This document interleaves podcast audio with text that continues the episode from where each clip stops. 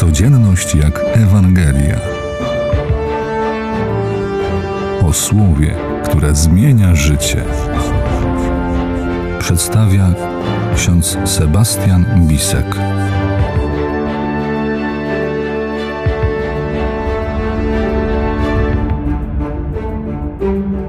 Co jakiś czas pojawiają się w mediach, zwłaszcza społecznościowych, cudowne recepty na czasy ostateczne.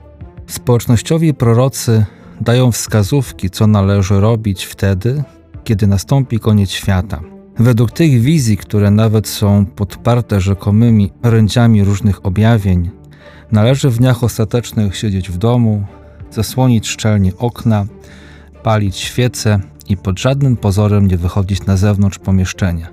Ba, nawet nie odsłaniać zasłon. I tak przez trzy dni. Udaje się przez to zasiać w ludzkich umysłach i sercach paniczny strach. Wizja końca świata pobudzała i nadal pobudza wyobraźnię rzesz ludzi. Widać to doskonale w kinematografii, literaturze, czy też w pojawiających się co jakiś czas medialnych sensacjach z niespełnionym kalendarzem majów na czele. Ile już było tych końców świata? Pan Jezus ten temat także podejmuje. Widoczny jest on w księgach Pisma Świętego.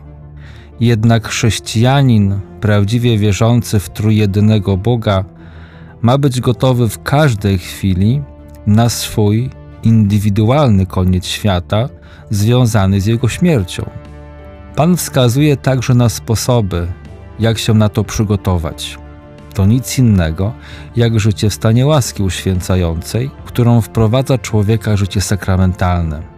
Bóg w tym momencie weźmie w opiekę każdego człowieka, który mu ufa, i nawet włos z głowy mu nie spadnie. Jeśli nie tu na ziemi, to na pewno w życiu przyszłym, a wytrwałość w wierze przyniesie owoc w życiu wiecznym. Więc czy człowiek żyjący w bliskiej relacji z Bogiem ma się czego obawiać?